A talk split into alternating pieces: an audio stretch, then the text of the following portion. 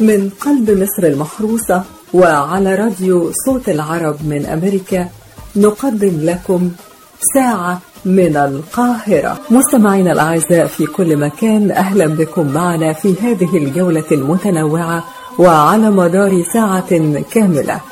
من مصر المحروسة نبعث إليكم بأرق وأجمل الأمنيات. ونتمنى أن تسعدوا معنا خلال هذه الساعة مع كل ما نقدمه لكم من فقرات ولقاءات وأغنيات. أهلا بكم أصدقائنا المستمعين في كل أنحاء العالم خلال هذه الساعة التي نقدمها من مصر المحروسة. نتمنى فقرتنا النهاردة تنال إعجابكم. ونحب ننوه في البداية إن إحنا هنكون معاكم كل يوم اثنين وخميس من الساعة الخامسة للساعة السادسة مساء بتوقيت الساحل الشرقي للولايات المتحدة. يعني من الساعة 12 مساء للساعة واحدة بعد منتصف الليل بتوقيت القاهرة. ولمستمعينا في كل أنحاء العالم تابعونا كل اثنين وخميس من الساعة 10 مساء إلى الساعة 11 مساء بتوقيت جرينتش. سيداتي وسادتي أهلا بكم معنا في هذه الفقرة الإخبارية التي نقدمها لكم من القاهرة. يقرأها عليكم محمد عمر وفرح الأعصر ونخصص الفقرة الإخبارية اليوم للتعرف على آخر أخبار فيروس كورونا حول العالم. الصحة العالمية. إصابة نحو 700 ألف شخص في 183 دولة وإقليم حول العالم. فيما تماثل إلى الشفاء 133900 شخص على الأقل حتى صباح اليوم. والدول الأكثر تضررا حسب إحصائيات صباح الخميس وخلال 24 ساعة هي إسبانيا 838 حالة وفاة جديدة وإيطاليا 756 حالة وفاة والولايات المتحدة 460 حالة وفاة. الصحة العالمية تقول أجرينا تجربة تضامنية على أربعة أدوية لعلاج كورونا. والمكتب الإقليمي للمنظمة يدعو البلدان في الإقليم وخارجه للمشاركة في هذه التجربة التاريخية ويبدي استعدادا لتسهيل هذه العملية. أعلنت جامعة جونز هوبكنز الأمريكية أن عدد الوفيات في عموم البلاد تجاوز 2000 في حين ارتفع عدد الإصابات إلى نحو 120 ألف. وقبل أيام أصبحت الولايات المتحدة صاحبة أكبر عدد من الحالات المصابة بفيروس كورونا في العالم لكن دول أخرى تشهد نموا سريعا أيضا. وترامب يقول إن الولايات المتحدة أجرت عددا من الأبحاث الخاصة بعلاج كورونا عن طريق بلازما الدم. وقال توصلنا لنتائج جيدة بالتعاون مع بعض الدول. معربا عن أمله بأن يشكل نقل دم المتعافين وسيله فعاله في مواجهة الفيروس. الرئيس الأمريكي دونالد ترامب يقول إن ذروة تفشي الوباء ستحدث خلال أسبوعين داعيا جميع الأمريكيين للالتزام بالقواعد والإرشادات وأضاف في الإحاطة اليومية بشأن كورونا إنه من المتوقع أن تصل أعلى معدلات الوفيات في الأسبوعين المقبلين وأن الحكومة تخطط لتمديد الخطوط التوجيهية حتى 30 إبريل. وقال أيضا إن فرض حجر صحي كامل على منطقة نيويورك إجراء غير ضروري وأضاف أنه طلب من مسؤول الصحة إصدار تحذير من السفر بدل ذلك وأن الإجراء يفرض على سكان نيويورك ونيوجيرسي وكونتيكت الصين تواجه خطر موجة جديدة لتفشي كورونا والبيانات تظهر أن خلال الأيام السبعة الماضية سجلت الصين 313 حالة إصابة قادمة من الخارج مقابل ستة حالات عدوى محلية فقط. الرئيس البرازيلي جاير بولسونارو يواصل تحدي دعوات المسؤولين الصحيين الذين يتطلعون لمنع التجمعات التي قد تؤدي لتفشي فيروس كورونا المستجد. وينشر تسجيلا مصورا لنفسه وهو يجمع حشودا محدودة في عدد أحياء في العاصمة برازيليا. ومن جانبها أعلنت وزارة الصحة البرازيلية الأحد أن عدد حالات الإصابة المؤكدة لديها بلغ 3904 حالة و114 حالة وفاة كلها مرتبطة بكوفيد 19 رئيس الوزراء الفرنسي إدوار فيليب يقول إن الأسبوعين المقبلين سيكونان الأصعب حتى الآن في الحرب على فيروس كورونا في فرنسا. فيما تسابق حكومته الزمن لزيادة عدد الأسرة في أقسام العناية المركزة وجلب معدات الوقاية. أوروبا تسجل وفاة أصغر مصاب بفيروس كورونا حيث توفى مراهق من البرتغال يبلغ عمره 14 عاما بسبب فيروس كورونا ليصبح أصغر ضحايا فيروس كورونا المستجد في أوروبا. الرئيس المصري عبد الفتاح السيسي يوجه باستكشاف التصنيع المحلي للمستلزمات الطبية والأجهزة الطبية التي تواجه نقصا حادا على المستوى العالمي وذلك وفق المعايير الدولية فضلا عن العمل على استكمال أي نقص في المستلزمات الطبية والكوادر البشرية الطبية في مختلف مراكز تقديم الخدمات الصحية في مصر. نبيلة مكرم وزيرة الهجرة وشؤون المصريين في الخارج تقول نسعى لإجلاء ألف مصري عالق في الولايات المتحدة مطلع إبريل. وزير الصحة الكويتي يقول شفاء ثلاثة حالات جديدة من كورونا والإجمالي يرتفع إلى 67 حالة وتسجيل 20 إصابة جديدة ليرتفع الإجمالي إلى 255 إصابة. وزارة الصحة السعودية تسجل 96 حالة جديدة مصابة بفيروس كورونا ليرتفع الإجمالي إلى 1299 حالة وتسجيل أربع وفيات جديدة ليرتفع العدد إلى 8 حالات وفاة. الإمارات تعلن عن إنشاء مراكز مسح لفحص فيروس كورونا المستجد من المركبة على مستوى الدولة. وكانت وزارة الصحة الإماراتية أعلنت السبت تمديد برنامج التعقيم الوطني حتى الرابع من إبريل فيما وصل عدد المصابين يوم الأحد إلى 570 وزارة الصحة السورية تعلن أمس الأحد عن وفاة أول حالة فيروس كورونا تسجل في سوريا وهي لسيدة توفيت بعد دخولها المستشفى وتبين بعد إجراء الاختبار أنها كانت تحمل فيروس كورونا. وبهذا الخبر نكون قد وصلنا إلى نهاية فقرتنا الإخبارية اليوم. قرأها عليكم محمد عمر وفرح الأعصر يا حضرة. أيوة يا أستاذة. اسمعوني كويس. عندكم فكرة إننا دلوقتي في أخطر مرحلة لفيروس الكورونا؟ المرحلة اللي العدوى فيها بتوصل لأقصى حد. طب حد بلغ حضراتكم إن نزولكم للشارع الغير مبرر هيعرضكم لخطر الإصابة بالفيروس؟ ومش كده وبس لأ ده كمان هتتسببوا في مصيبة لأهلكم وكل اللي بيتعامل معاكم وخصوصا كبار السن هيتعدوا منكم. وبسبب الاستهتار هنفقد السيطرة على الفيروس تماما. عايزين نعدي الفترة الصعبة دي على خير ونرجع نشوف أشغالنا ونمارس يومنا بشكل طبيعي بكل صحة وعافية. فمن فضلكم حافظوا على نفسكم والزموا بيوتكم. ولازم تلتزموا بالتعليمات وما تنزلوش إلا للضرورة القصوى. والبسوا الكمامات مع النظافة المستمرة والتطهير. لازم نكون كلنا قد المسؤولية وربنا يحفظكم. دمتم بخير. دعاء حسن. من قلب مصر المحروسة وعلى راديو صوت العرب من أمريكا ساعة من القاهرة. ودلوقتي جه ميعادنا مع الفقرة الدينية واللي هنتكلم فيها عن أهمية الحفاظ على النفس في الإسلام. فحماية النفس البشرية أمر عظيم في الشريعة الإسلامية.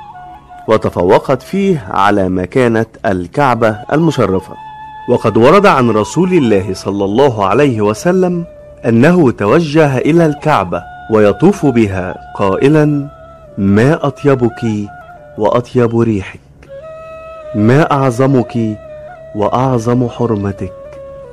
والذي نفس محمد بيده لحرمة المؤمن أعظم عند الله حرمة منك ماله ودمه وإن نظن به إلا خيرا. وهناك قاعدة شرعية أصيلة في الدين الإسلامي بتقول إن درء المفاسد مقدم على جلب المصالح ودي معناها ببساطة إن لو في إيدك تفاحة هتاكلها وفي نفس التوقيت رمى عليك شخص حجر يبقى لازم تبعد الحجر عنك وتأجل أكل التفاحة. تعالوا نستمع إلى هذا الحديث الديني من فضيلة الشيخ أحمد علي درويش الإمام والخطيب بوزارة الأوقاف المصرية. الحمد لله والصلاة والسلام على رسول الله وبعد. أيها الإخوة المؤمنون الحمد لله على نعمة الإسلام وكفى بها نعمة.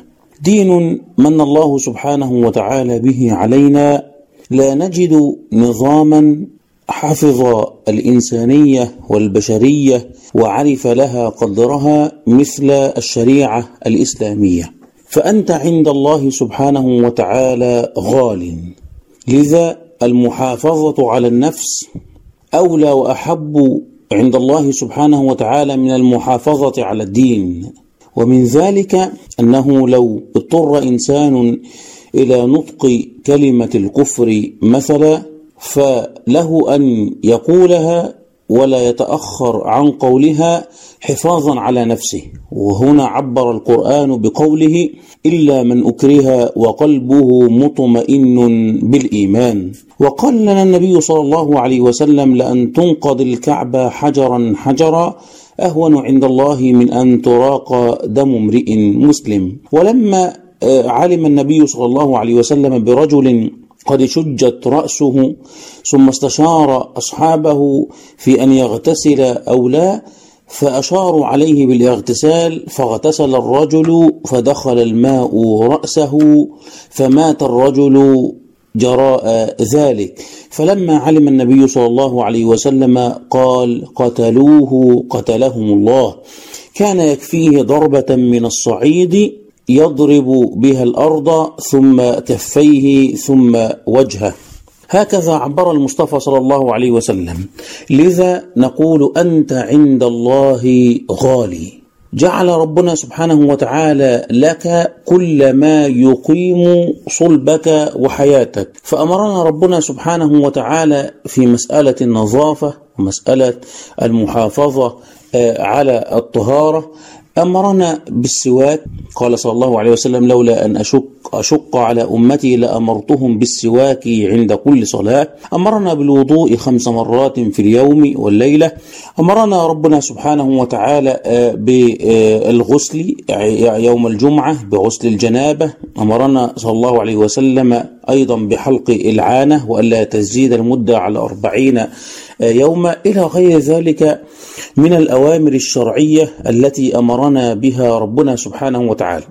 لذا في هذه الظروف الراهنة نريد أن نقول إن كورونا الذي أرعب العالم والذي ابتلى الله سبحانه وتعالى به الدنيا بأسرها هذا الابتلاء لا يعني أننا قوم سوء وقوم بهتان لأن الله سبحانه وتعالى ابتلى بأشد منه أصحاب رسول الله صلى الله عليه وسلم فابتلاهم بطاعون عمواس والذي مات فيه صحابة كثر من أصحاب النبي صلى الله عليه وسلم. فليس معنى الابتلاء بهذا الوباء أننا أو نأخذه دائما على المحمل السيء. لا بل نأخذه على المحمل الحسن أن الله سبحانه وتعالى إذا أحب عبدا ابتلاه وأن الله سبحانه وتعالى أعد لنا في شرعنا الحنيف ما نقاوم به مثل هذه الظروف.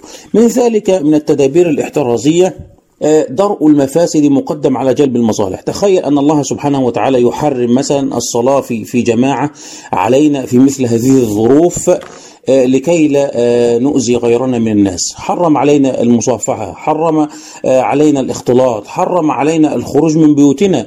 فعند فرسول الله صلى الله عليه وسلم أمر أقل من ذلك وهو المطر.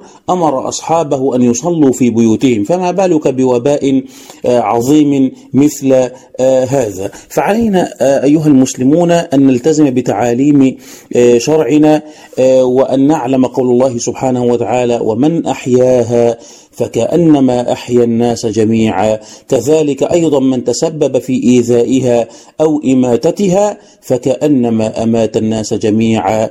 كنتم مع تعاليم دين الله سبحانه وتعالى في الشرع الحنيف. هيا لنتمسك به هيا لنجلس في بيوتنا هيا لنستقيم على أمر الله سبحانه وتعالى ونسأله سبحانه وتعالى أن يرفع عنا الوباء والبلاء. اللهم إنا نسألك يا أرحم الراحمين أن تكفنا شر كل ذي شر. اللهم إنا نسألك يا ربنا ألا تؤاخذنا بذنوبنا. نسألك يا ربنا ألا تحمل علينا إصرا كما حملته على الذين من قبلنا. يا رب ولا تحملنا ما لا طاقة لنا به. واعف عنا واغفر لنا وارحمنا. أنت مولانا فانصرنا على القوم الكافرين. آمين آمين. وسلام على المرسلين. والحمد لله رب العالمين. أهلا بكم من جديد أعزائي المستمعين. مع أخبار خفيفة. أخبارنا النهاردة أخبار جديدة.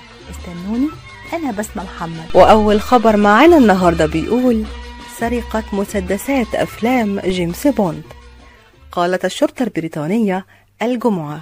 إن مشتبها بهم يتحدثون بلكنة دول شرق أوروبا سرقوا خمسة مسدسات استخدمت في سلسلة أفلام جيمس بوند. منها آخر مسدس استخدمه الممثل الراحل روجر مور. أثناء تجسيد دور العميل 007 من منزل في شمال لندن. وسرقت المسدسات خلال سطو الاثنين من المنزل الواقع في إنفيلد. وتقول الشرطة إن المسدسات غير المجهزة للاستخدام قد تتجاوز قيمتها مئة ألف جنيها استرلينيا أي 122 ألف دولار وفقا لوكالة رويترز. وتشمل المسدسات المسروقة واحدا ظهر في فيلم Die Another Day. وقال بول ريدلي المحقق بالشرطة الكثير من هذه القطع فريد من نوعه وذكرت الشرطة أن الجيران اعترضوا طريق اللصوص الثلاثة الذين نجحوا في الفرار بسيارة. الكلاب تبدأ التدريب لاكتشاف فيروس كورونا. مع تفشي فيروس كورونا الجديد حول العالم بدأت القطاعات المختلفة حول العالم محاربته بشتى الطرق. آخرها لمنظمة بدأت بتدريب الكلاب على اكتشاف المرض بالشم. وبدأت منظمة كلاب الكشف الطبية الخيرية ببريطانيا باختبار عدد من الكلاب لمعرفة إذا ما كان بإمكانها اكتشاف إصابة الشخص بفيروس كورونا عن طريق شمه. ودربت المنظمة الكلاب لاكتشاف رائحة الملاريا والسرطان بنجاح في السابق وفقا لموقع بي بي سي. وسيتم اختبار الكلاب البوليسية المتخصصة لمعرفة ما إذا كان بإمكانهم الكشف عن فيروس كورونا. بإجراء اختبارات بالتعاون مع جامعة دورهام وقالت رئيس المنظمة كلير جيست إنهم في مرحلة الاختبارات للكلاب كي يستطيعوا التعرف على رائحة الفيروس. بطريقة آمنة وأكدت قائلة نحن متأكدون من أن الكلاب سيمكنها التعرف على رائحة فيروس كوفيد-19 وإذا ثبت ذلك يمكن استخدام الكلاب لفحص أي شخص. بما في ذلك أولئك الذين ليس لديهم أي أعراض. وقالت الطبيبة جاست سيكون ذلك سريعا وفعالا وغير جراحي. وسيتيح لموارد وزارة الصحة المكلفة بأن تستخدم في الأماكن الضرورية بينما تستخدم الكلاب في الأماكن الأخرى. وقال رئيس قسم السيطرة على الأمراض ببريطانيا البروفيسور جيمس لوغان أن الأبحاث السابقة أظهرت أن الكلاب يمكنها اكتشاف رائحة عدوى الملاريا بمستوى دقة أعلى من معايير منظمة الصحة العالمية للتشخيص. وقالت منظمة كلاب الكشف الطبي إن كل مرض له رائحة فريدة خاصة به. وأضافت المنظمة أن الكلاب يمكن أن تكون جاهزة في غضون ستة أسابيع للمساعدة في تقديم التشخيص السريع. خوفا من كورونا امرأة بريطانية تتسوق داخل كرة عملاقة. بسبب فيروس كورونا أصاب الجنون والهوس العديد من البشر والذين باتوا يخشون من الفيروس ولا يمكنهم البقاء في المنزل طوال الوقت حيث لجأ الكثيرون إلى أمور غير واقعية لحماية أنفسهم من الفيروس. وهو ما يظهر في تصرف سيدة دخلت متجر بهيئة غريبة. فبحسب صحيفة ذا سان فإن امرأة بريطانية دخلت متجرا وهي داخل كرة زوربينج في محاولة لتجنب الإصابة بفيروس كورونا. كرة زوربينج هي كرة شفافة عملاقة يمكن للشخص دخولها وتستخدم لإحدى الرياضات حيث تظهر المرأة البريطانية وهي داخل الكرة وتقوم بشراء الطعام حيث يتبعها أحد العاملين بالمتجر ويقوم بتعبئة ما تريده حيث قالت إنها تحاول عزل نفسها بهذه الطريقة من الفيروس. المتسوقون في المتجر انتابتهم الدهشة من هذه الطريقة للتسوق بينما كانت المرأة التي تدعى تريسي تتدحرج في المتجر. فاشونيستا كويتية تثير ضجة بغرفة سجائر زوجها. عرضت الفاشونيستا الكويتية فوز الفهد التي تزوجت قبل عشرة أيام من حفيد الملياردير عبد اللطيف السراف غرفة سجائر لزوجها في منزلهما وهو ما جلب عليها هجوما وانتقادات حادة من المتابعين على مواقع التواصل الاجتماعي.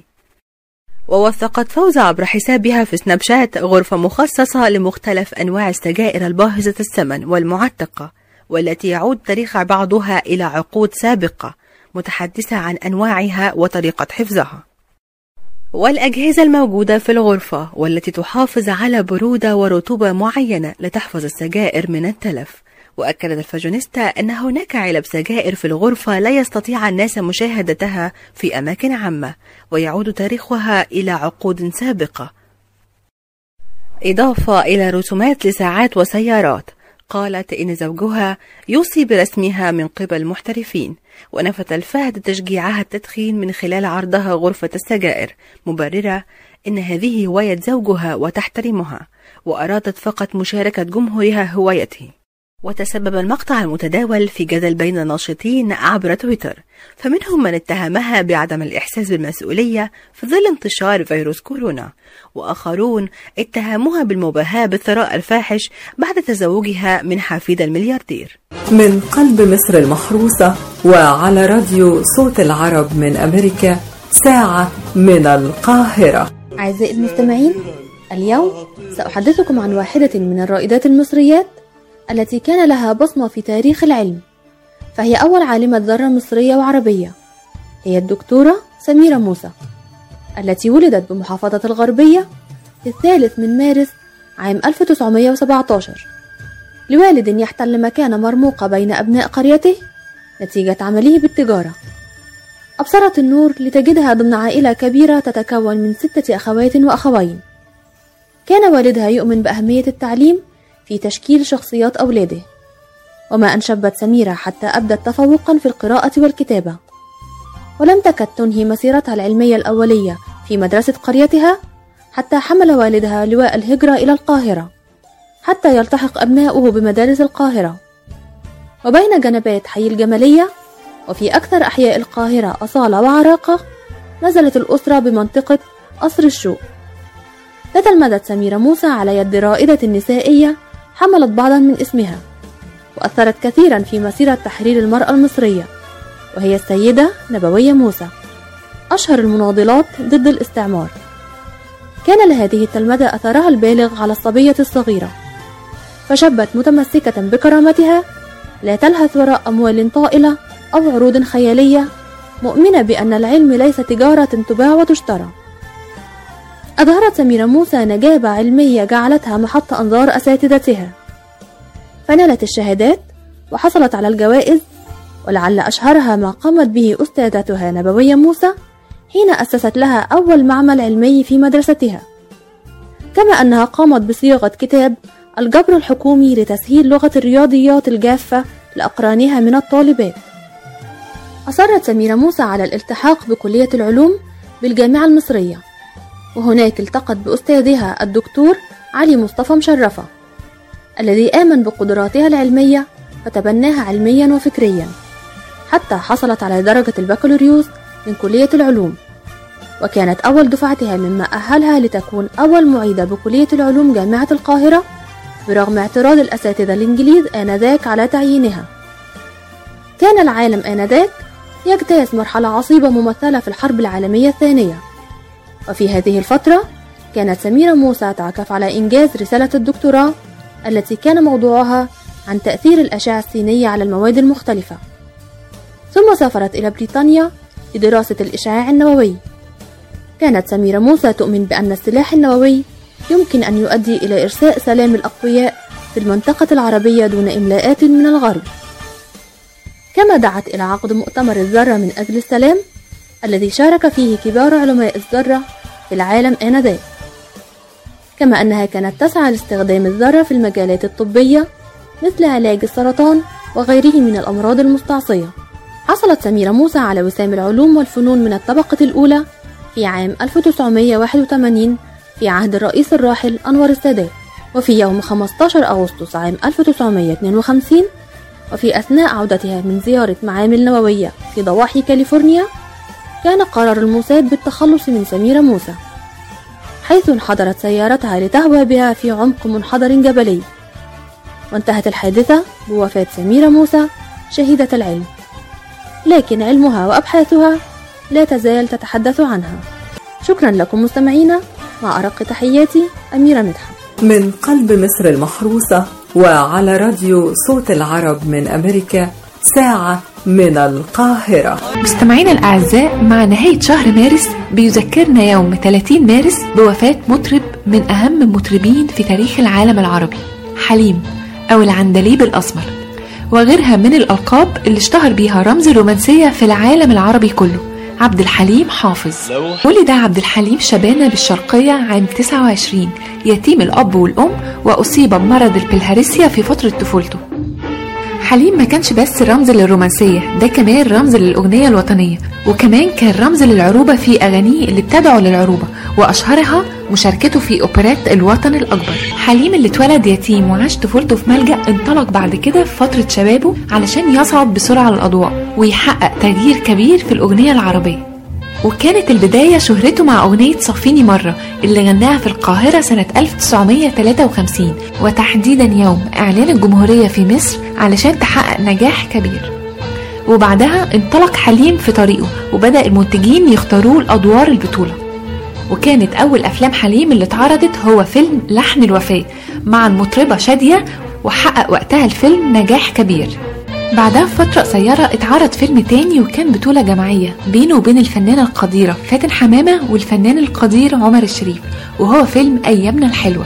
الخمسينات كانت فترة نجومية حليم السينمائية وده لأنه قدم مجموعة من الأفلام ومن أشهر الأفلام دي أيام وليالي اللي قدمه مع الفنانة إيمان واللي غنى فيه أغنية أنا لك على طول. كمان من أشهر الأفلام فيلم الوسادة الخالية مع الفنانة لبنى عبد العزيز واللي يعتبر من رموز السينما الرومانسية العربية.